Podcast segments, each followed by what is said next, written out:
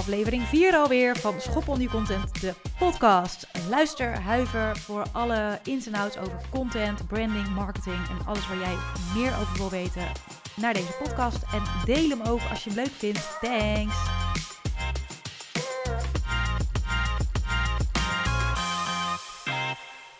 Hey, hallo. Anne hier weer op je beeldscherm, wou ik zeggen. Nou, dat is niet waar. In je oren. Ik zit in je oren.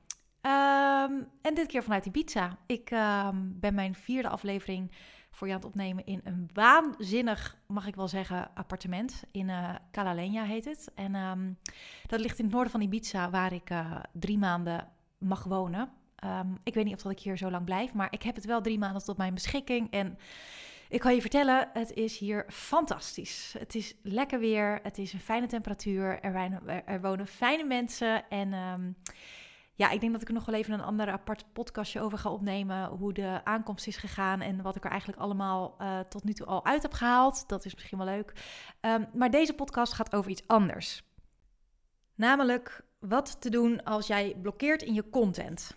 En ik heb daarvoor een reden. Dat is omdat er op dit moment nogal wat bijzonders aan de gang is. Namelijk een uh, oorlog in Oekraïne. Dat was de aanleiding van deze podcast en uh, de sessie die ik had met een van mijn klanten. Um, maar ik ga hem even wat breder trekken, omdat het een vrij vaak gehoord probleem is um, dat je blokkeert in content.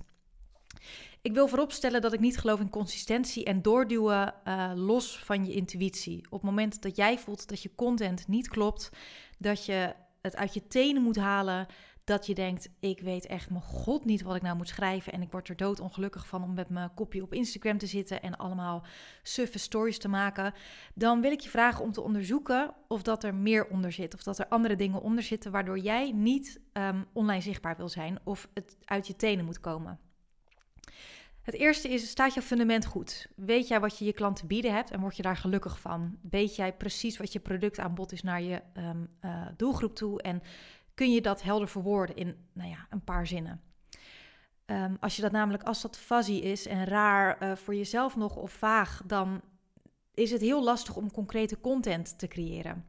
Daarnaast mag je jezelf afvragen of dat je gelukkig wordt van je doelgroep, van je ideale klant, um, of dat je er blij van wordt om hun te helpen, of dat je tegen een muur aanloopt. Um, of dat er misschien wat anders aan de hand is. Als ondernemer heb je nogal wat uh, dingen waar je uh, mee te maken krijgt, zowel zakelijk, maar je hebt ook een mindset nodig die best sterk moet zijn om lekker op beeld te komen of goede posts te schrijven. Dus die drie dingen. Het fundament, word je gelukkig van je doelgroep en zit je lekker in je vel. Die drie dingen denk ik dat je als eerste mag onderzoeken. Zijn alle, is een van deze drie niet helemaal oké? Dan snap ik dat je content echt om te janken is. Want ja, dat wil je niet. Je wil gewoon goede content hebben waar die uit flow ontstaat en waardoor je niet het allemaal vanuit je tenen moet komen. Dan neem ik je mee in um, de sessie met mijn klant en die ik dus breder trek dan alleen de oorlog in Oekraïne. Um, het gesprek ging namelijk als volgt. Ze zou na een lange post zou ze weer een nieuwsbrief gaan schrijven. Ze was al een post niet uh, zichtbaar geweest. Ze had al een post haar mailinglijst niet aangeschreven. En ze dacht, hup, dat paard op. Um, ik heb uh, glashelder wat mijn fundament is, want die hadden we de afgelopen weken helemaal strak getrokken. Ze was heel erg blij met wat we hadden neergezet. Ze voelden het allemaal. En toen brak de oorlog uit. En ze dacht, ja, en nu? Wat, wat moet ik dan nu doen? Het feit dat de oorlog zo groot is, blokkeert me, zei ze. En um, um, het feit dat ik er iets over zeg of iets over wil benoemen, dat vind ik al walgelijk. Dat zijn letterlijk haar woorden. Het voelt zo leeg en ik heb hier zo niks over te zeggen. Het is gewoon niet aan mij om hier wat over te zeggen. Ze zei: Ik hoop en ik wacht op een soort inzicht dat ik er daarna wel wat over kan delen, maar die komt gewoon niet. Het is te verschrikkelijk en ik, ik voel me er niet toe uh, verbonden om daar wat over te zeggen. Laat staan dat ik daar een um, nieuwsbrief, dat ik nu een nieuwsbrief eruit ga sturen. Daarbij kwam, zei ze, um, ik wil me nergens mee verbinden. Want um, als ik er wel iets over schrijf of wel er iets over zeg, dan kan ik ook de fout maken dat ik het niet goed zeg of goed doe in andermans ogen. Omdat het zo'n fragiel onderwerp is. En um, ze kwam erachter dat eigenlijk door, uh, doordat ze blokkeerde, omdat er zoveel anders in de wereld aan de gang was, uh, haar neiging was om content te creëren waarin ze dingen wilde oplossen. Zij had de neiging om uh, tiplijstjes mee te geven in haar content. Of hoe kun je nou zus en zus en zo doen om dat en dat te bereiken. En dat kan niet, want je kan, deze oorlog kan niet opgelost worden. Dus het is, ja, je kan niet met een tiplijst komen. Hoe kan je een oorlog winnen? Of, um, nou ja, en al het andere, dat was niet nodig. Zij is iemand die helpt klanten met iets wat niks met de oorlog te maken heeft. En het voelde voor haar totaal in het niets. Ze dacht, ik ga nu echt niet met een tiplijstje komen. Ik lijk wel gek. Dus geen nieuwsbrief. Ze dacht, ik weet het even niet. Ik, ik voel me niet geroepen. Nou, alles wat ik hier net benoemde, daar hadden we het over. Het was echt een supermooi gesprek. Um, en het eerste wat ik tegen haar zei, omdat ik haar ook zo voelde. Ehm, ik heb exact hetzelfde gehad, namelijk. Uh, daarover vertel ik je straks meer. Um, ik voel me niet geroepen om jou te vertellen hoe je met, dit om moet gaan. maar wat betreft je content, kan ik je er wel mijn visie op geven. Ik kan je namelijk niet vertellen wat jij wel en niet moet of mag posten tijdens een oorlog. Dat zal ik sowieso nooit tegen je zeggen wat je moet en mag posten. Maar dit gaat zoveel dieper en verder dan alles wat met tiplijstjes, content, uh, zichtbaarheid en jouw bedrijf te maken heeft. Dat is, daar ga ik niet eens aan beginnen om jou daar een tip in te geven. Ik kan je wel vertellen wat ik tegen haar zei. En dat is dat alles wat zij aan mij vertelde op dat moment en haar ongemak, dat dat hetgene was wat ze kon benoemen. Dat dat hetgene was wat mensen van jou wilden weten. Dus je hoeft niet met een tiplijstje te komen. Je hoeft niet uh, jezelf in die oorlog te plaatsen of het over jou te laten gaan als het gaat over de oorlog. Maar ze had zo'n duidelijke visie over hoe verschrikkelijk ze het vond en uh, wat haar zo erg raakte aan alles, aan de hele situatie, want ze vertelde me nog veel meer hierover. Um, dus ik zei, je hoeft niet met een tiplijstje te komen. Niet ieder contentstuk hoeft dat in te houden. Daarbij kan het zijn dat jouw visie delen en jouw mening hierover, dat kan al, dat is veel meer waard dan uh, alles wat nu inderdaad niet relevant is. Een conclusie kan ook zijn: wat vind ik dit verschrikkelijk? Um, en wat vind ik het ongemakkelijk? En ik weet me gewoon geen houding te geven. En wat vind ik dit ongelooflijk kut? Wat vind ik dit verschrikkelijk? Ik, ik weet me gewoon, ik weet dit gewoon niet. Ik denk dat we vaak uh, content schrijven om daar vervolgens dan mensen mee uh, te informeren wat ze moeten doen, hoe ze van A naar B komen. Welke drie tips jij het beste mee kan geven om uh, jouw ideale klant beter te maken in onderwerp X of Y. Maar wat nou als je gewoon eens deelt wat je vindt? Gewoon zonder de hele het moet zo of het moet zus. Gewoon vertellen, ik voel me niet geroepen om een tiplijstje te maken, maar ik wil je wel vertellen wat ik van deze situatie vind. Want daarin lezen wij jouw normen en waarden. Daarin lezen wij wat er in jouw gedachten omgaat. Daarin lezen wij als ideale klant of als lezer, bezoeker van jouw website of jouw Instagram moet ik zeggen, of uh, jouw mail. Um, fuck hé, zo had ik het nog niet eens bekeken. Of wat een mooie visie. Of wat bijzonder hoe jij daar naar kijkt. Of gewoon om het gesprek te openen. Ik denk juist in tijden als deze, zonder het op jezelf te hoeven betrekken, dat je mensen goed leert kennen, omdat het zo fragiel is. En als je je echt zo erg open durft te stellen door er alles over te durven te zeggen. Uh, en daar heel uh, uh, lieflijk, om het zo te zeggen, mee omgaat. Lief is misschien niet het goede woord, maar echt vanuit je gevoel te communiceren, zonder regels. Dat je daar je, je lezer heel veel plezier mee doet als het gaat over jou leren kennen. Ik kan gelijk mijn hand in eigen boezem steken dat ik dat niet heb gedaan. Uh, wat namelijk bij mij gebeurde was dat de oorlog in Oekraïne een paar dagen voor mijn vertrek uitbrak. Het was donderdag dat het gebeurde en ik zou een week daarna in het vliegtuig zitten. Mijn ticket was geboekt, alles was er en ik dacht, ja, dit gaat dus niet meer gebeuren. Ik ga echt niet naar Ibiza. Um, in eerste instantie dacht ik, sowieso niet handig misschien als er een oorlog aan de gang is om dan het vliegtuig in te stappen naar een ander land. Maar het uh, gehalte van uh, schuur, het schuurde veel te erg om nu voor mijn plezier, tussen aanhalingstekens, want ik zit hier vooral voor focus op mijn business, maar je snapt wat ik bedoel, om voor mijn plezier het vliegtuig in te stappen om drie maanden ergens te gaan genieten, terwijl er nu op dit moment, terwijl ik de podcast opneem, inmiddels 2 miljoen Oekraïners op de vlucht zijn. Iets gevers bestaat niet. Er is zo'n raar gevoel kwam bij mij op en ik heb mijn vriend gebeld en ik zei: Ik ga niet meer. Ik ga dit echt niet meer doen. Ik heb hier geen zin in. Ehm, ik kan mezelf niet in de spiegel aankijken als ik nu wegga.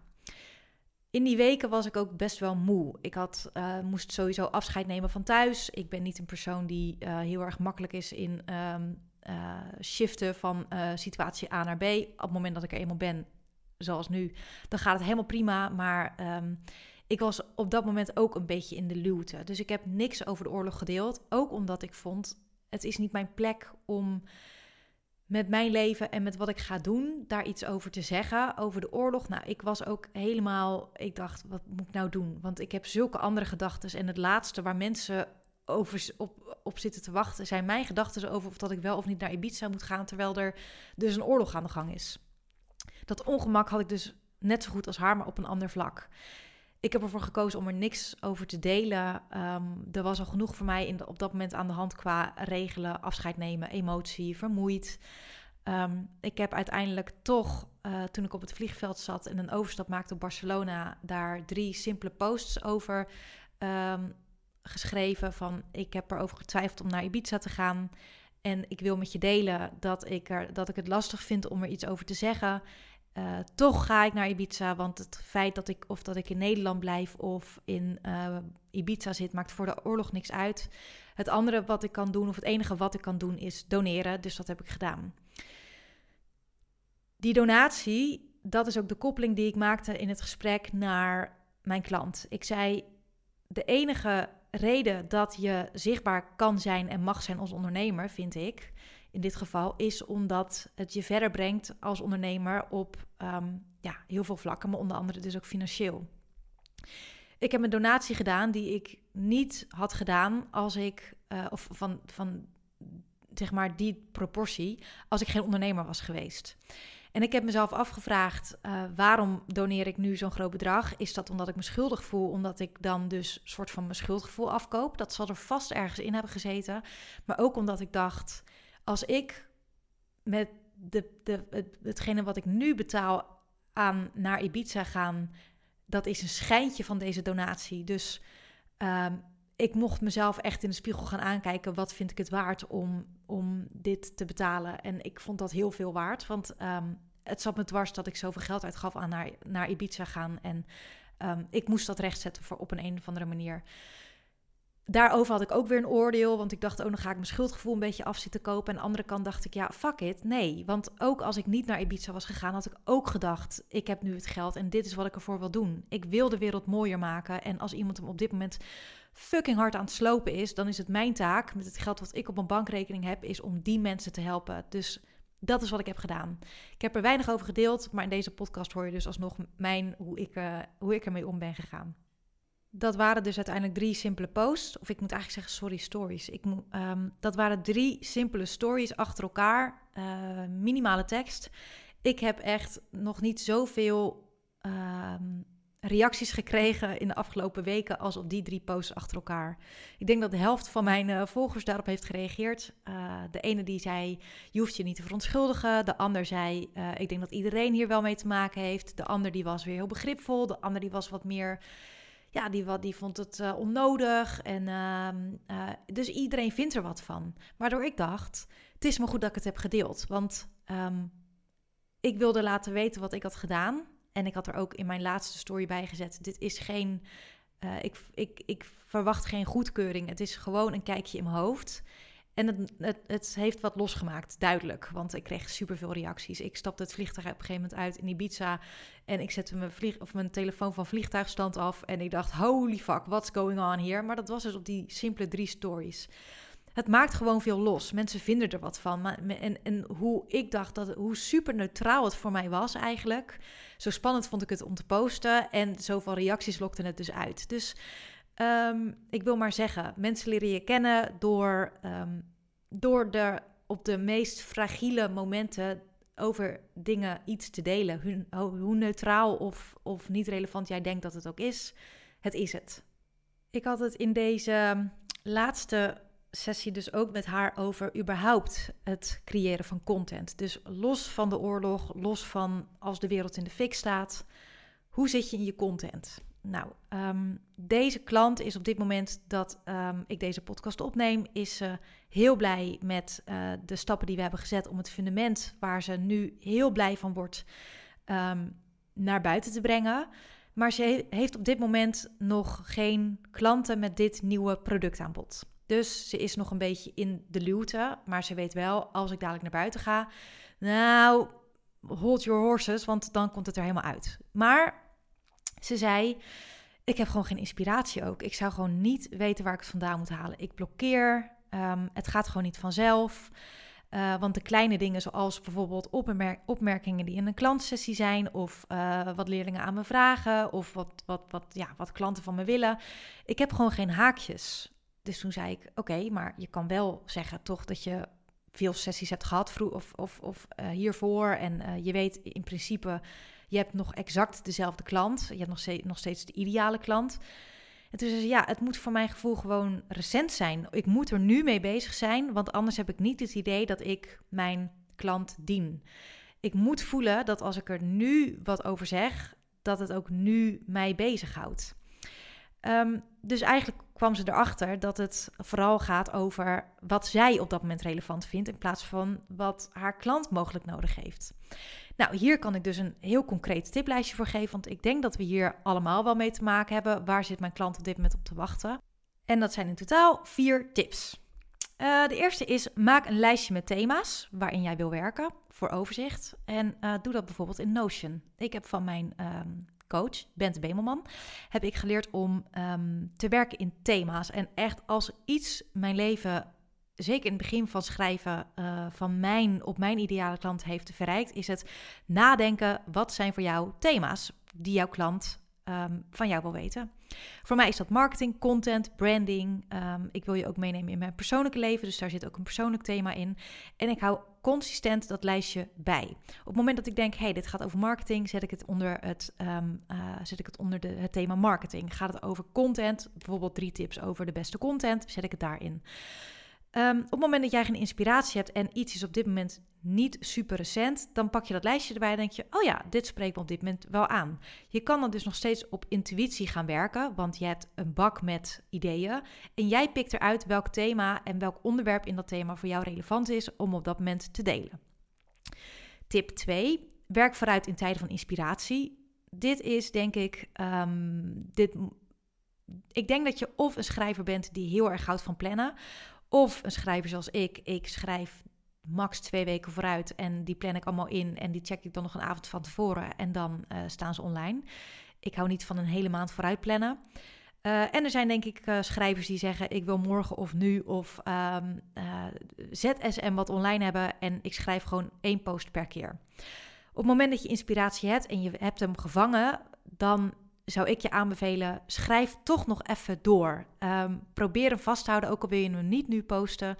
Uh, zet voor anders gewoon het raamwerk neer. Op het moment dat je denkt, oh ja, dit is ook nog een goede post, maar ik wil er nu nog niet een hele post van breien. Um, zorg dat je in ieder geval de inspiratie vasthoudt. En uh, gebruik de woorden die je in je hoofd hebt, schrijf de zinnen op. En op het moment dat jij dus even geen inspiratie hebt, kan je dat raamwerk erbij pakken of de uitgeschreven post erbij pakken en hup online. Je mag er dan dus van uitgaan dat als het een week geleden nog interessant was voor, die, voor jouw ideale klant, dan is het dat nu ook nog. Was het een twaalf maanden geleden was het nog interessant voor je, dan wordt het misschien anders, want dan heb je er een andere kijk op, maar dan kan je het nog wel aanpassen. Of dan kan je zeggen, een jaar geleden dacht ik zo over dit onderwerp, maar inmiddels weet ik, puntje, puntje, puntje. Tip 3. Check je website, je salespage of je Instagram-account of je social media-account, welke je dan ook gebruikt. Eigenlijk is je website, salespage en je account een bak van inspiratie voor jou als het gaat over wie ben je, wat doe je en wat bied jij je klant. De herhaling is hierin fantastisch fijn, want uh, hoe vaker jij benoemt wat je doet, hoe beter jouw klant het onthoudt. Je hoeft dus niet bang te zijn dat als jij drie keer iets vertelt over je productaanbod, zonder dat het kaart de sales is, dat jouw klant denkt: Oh, heb je haar weer? Mijn god, ja, jij doet dit. Nee, wij willen heel vaak horen wat jij doet, want anders dan komt het niet bij ons binnen. Volgens mij heb je iets van tot de 0 en 5000 touchpoints nodig om tot sales over te gaan. Als jij denkt dat jij na drie keer hebt gezegd: Dit is mijn productaanbod, dat je er dan bent. No way, girl, you have to work for it. Dus go. Pak die sales page erbij en vertel met één zin. Je kan namelijk iedere zin gebruiken als titel voor jouw post. En wat kan je erover vertellen? Tip 4. Deel jouw leven. Wat zijn je struggles? Wat zijn op dit moment de dingen die door je hoofd heen gaan? Wat houdt jou persoonlijk bezig? We grijpen dan ook weer een beetje terug naar uh, onderwerp 1 over je visie delen, je missie delen, je, je, je, wat, je, of nee, sorry, niet je missie, je visie delen over wat er gebeurt in de wereld. Um, we willen niet alleen maar jouw kennis of jouw tips, we willen ook graag weten hoe jij in het leven staat en wie jij bent, want 9 van de 10 mensen geloven wel dat op het moment dat jij een supergoeie uh, kennis of trucendoos hebt, dat daar dan ook wel um, dat, dat zij of dat jij hen of de lezer kan helpen. Maar uh, belangrijker wordt dan je karakter en hoe sta je in het leven en um, hoe kijk jij tegen dingen aan. Dus dat is natuurlijk de meest enge, maar wel de meest chille voor de lezer op het moment dat jij uh, heel veel kennis deelt, om dan even een kijkje in jouw hoofd en hart te krijgen. Dus dat was tip 4. En dan het derde en laatste onderwerp, en dat gaat over uh, wat ook in onze sessie voorbij kwam. Ik heb een klant. Nou, echt jongens, deze meid die weet waar ze het over heeft. Ik ga haar naam niet noemen, um, maar zij luistert en uh, knoopt dit goed in je oren. Je bent fucking fantastisch. En um, deze vrouw gaat bergen verzetten. Dat weet ik, dat heeft ze al gedaan. Dat is ze nu iets minder aan het doen, omdat ze dus niet meer gelukkig werd van haar vorige productaanbod. Maar ze is groots, oprecht. Um, zij zei tegen mij in die sessie: Ik herken niet meer wat andere mensen waardevol vinden. En ik heb het idee dat ik altijd tien schepjes erbovenop moet doen voordat iets relevant is. Ik ben um, geneigd om eerst alles helemaal te begrijpen, te weten, te ownen. Uh, zoals dat zo mooi in Instagram-land uh, zeggen. Um, ik moet minimaal 10 stappen verder zijn voordat ik er content over mag delen. Terwijl content van het proces zelf kan misschien ook best wel waardevol zijn, toch? Vraagteken, vraagteken, zei ze. Um, ze had heel erg het idee, um, ik moet, het moet allemaal 100% kloppen, want als ik het niet zeker weet, ben ik bang om in het openbaar af te gaan. Um, ik ben bang dat ik blinde vlekken heb. Dus hoe erg research ik ook doe naar dingen of mijn mening of mijn, nou niet mijn mening, mijn kennis over iets deel, dat vind ik super eng. En ja, dat is zichtbaar zijn. Dat je dus voor de zoveel volgers die jij hebt, natuurlijk echt helemaal af kan gaan. En dat je dus denkt dat, dat iedereen denkt: ha, ha, ha, jij hebt een fout gemaakt, want dit klopt niet.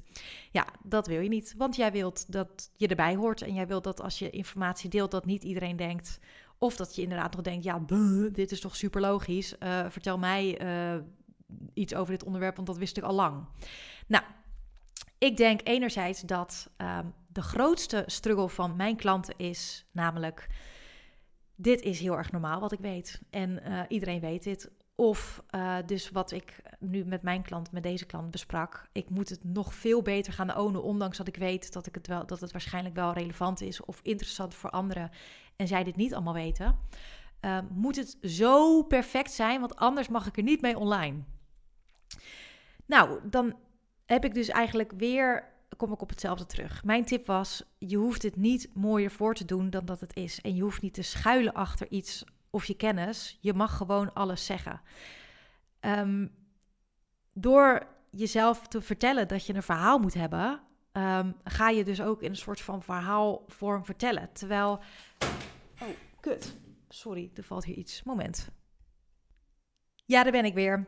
Er viel een fles en een avocado van, me, van mijn aanrecht af. God mag weten waarom, maar het viel. Uh, ik heb ook even teruggeluisterd waar ik nou eigenlijk ben gestopt. En ik dacht, wacht, dit wordt een beetje vaag wat ik wilde zeggen, ik pak hem weer even terug. Zij was, uitgerekend, zij was de persoon die mijn Human Design Chart ging checken. Um, om te kijken hoe ik als persoon ergens in zat. Um, ik weet van mezelf dat ik uh, niet de allermeeste kennis heb over marketing, niet de allermeeste kennis over content, maar ik ben wel mezelf en um, de kennis die ik heb van marketing en content vond zij voldoende. Zij is als ondernemer veel verder dan ik als het gaat over nou ja, wat zij al in haar leven heeft bereikt als ondernemer. Maar het deed er niet toe voor haar om bij mij in te stappen, omdat mijn kennis, mijn visie, mijn, uh, maar ook mijn perspectief, mijn, de contradicties die ik in me draag, mijn eigenaardigheden, dat was wat ze wilde weten. Zelfs dus zover dat ze mijn chart wilde checken. Mijn normen en waarden speelden een veel grotere rol voor haar om um, bij mij um, klant worden. En tuurlijk kan ik ook wel eens twijfelen over of dat mijn content wel voldoende is en of dat mijn kennis wel voldoende is. Maar je mag ervan uitgaan, op het moment dat jij je kennis gaat delen, ook al is het nog niet 100%, dat dat voor een ander wel zo is. En ik weet dat dit zo is, omdat al mijn klanten denken dat hun kennis niet relevant is. En ik loop er zelf ook tegenaan. Ik denk bij alles, ja, de, dit weet iedereen toch al. Maar dat is niet zo. Niet al jouw kennis weet iemand anders al. En um, ik denk dat ik niet echt hier nieuwe informatie vertel, maar laat het me hier weer even een reminder zijn voor je. Ja, jij hebt meer kennis in jouw vakgebied dan waarschijnlijk een willekeurig ander iemand die niet in jouw vakgebied zit. En ja, wij willen dat graag weten. En het hoeft niet 100% met 10 schepjes erbovenop en 100 meter verder helemaal uitgedokterd te zijn voordat jij iemand anders iets mag leren. Deel alsjeblieft wat je in je hebt en deel het met je volgers.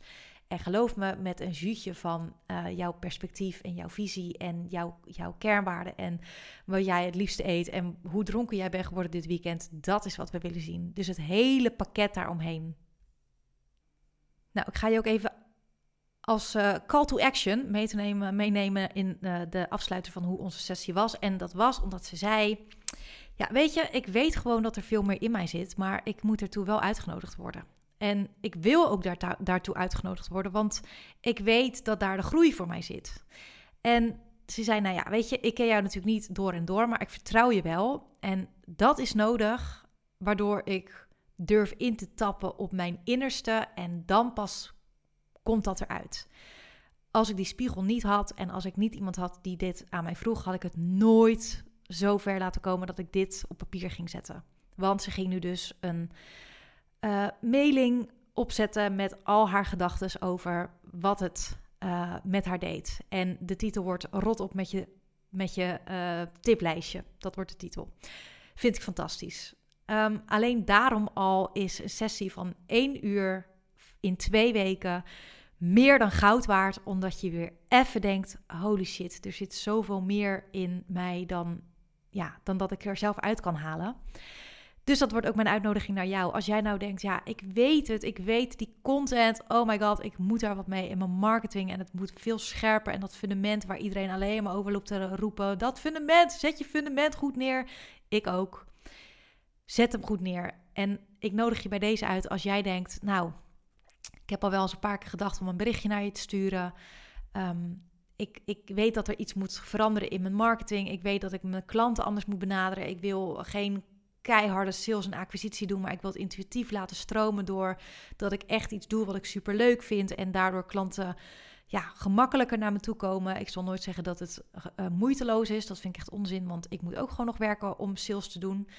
Um, maar ik kan je er wel bij helpen dat het makkelijker gaat voelen en simpeler en dat je content dus wel gaat stromen. En ik ga je nog honderd meer tips geven natuurlijk op het moment dat jij vastloopt op jou gericht en op wat jij het beste kan doen. Want dit was nu op haar en ook een beetje in het algemeen deze podcast natuurlijk. Maar ik ga kijken naar wat jij kan doen om je content te verbeteren en om je veel sterker te positioneren. Want daar beginnen we natuurlijk mee. Dus nogmaals, als jij al een postje dacht, ja, die Anne, ik moet er wel echt nog even een keer een berichtje gaan sturen. Want ik weet wel dat ze. Nou, this is the moment, girl. Dit is het moment. Ik zit in Ibiza. Ik heb alle focus op mijn bedrijf. Um, en ik wil niks liever dan jou helpen met jou fucking stevig in de markt zetten. Een positionering in die overvolle markt te creëren waar jij echt gelukkig van wordt en waardoor jij wel opvalt. En dat je denkt, ja, ja, dit wil ik. Dit wil ik echt. Ik word hier echt super gelukkig van. En dat die content dus gaat stromen. En dat dus daardoor klanten op jou afkomen. En dat jij dus een bankrekening hebt waar je gelukkig van wordt. En hele goede dingen mee kan doen. Onder andere dus als een van die Mongolen op deze wereld denkt: ik ga eens gewoon even de hele, dat hele Oekraïne plat bombarderen. Dat wij met liefde dat bestrijden. En dat wij mooie donaties kunnen doen op een bankrekening waarvan je weet dat daar andere mensen door een warm bed hebben of in slaap zou kunnen slapen op een veldbedje in een sporthal hier in Nederland of whatever ze ook met mijn geld gaan doen, het maakt me niet uit, maar dat ik weet dat er iets goeds van wordt gedaan. Als jij denkt, yes, ik wil dit, ik wil echt gaan werken en rust krijgen en minder hard werken, maar wel meer kunnen doen en meer betekenen in de wereld, dan is dit je call to action. Dit is het moment. Leuk dat je luisterde. Wil je meer informatie? Ga dan naar annendevlaam.com of stuur me een berichtje via Anne de Vlaam contentstratege op Instagram. Heel erg bedankt dat je luisterde en er gaan vast veel meer volgen hier vanaf Ibiza. Dankjewel. Doei!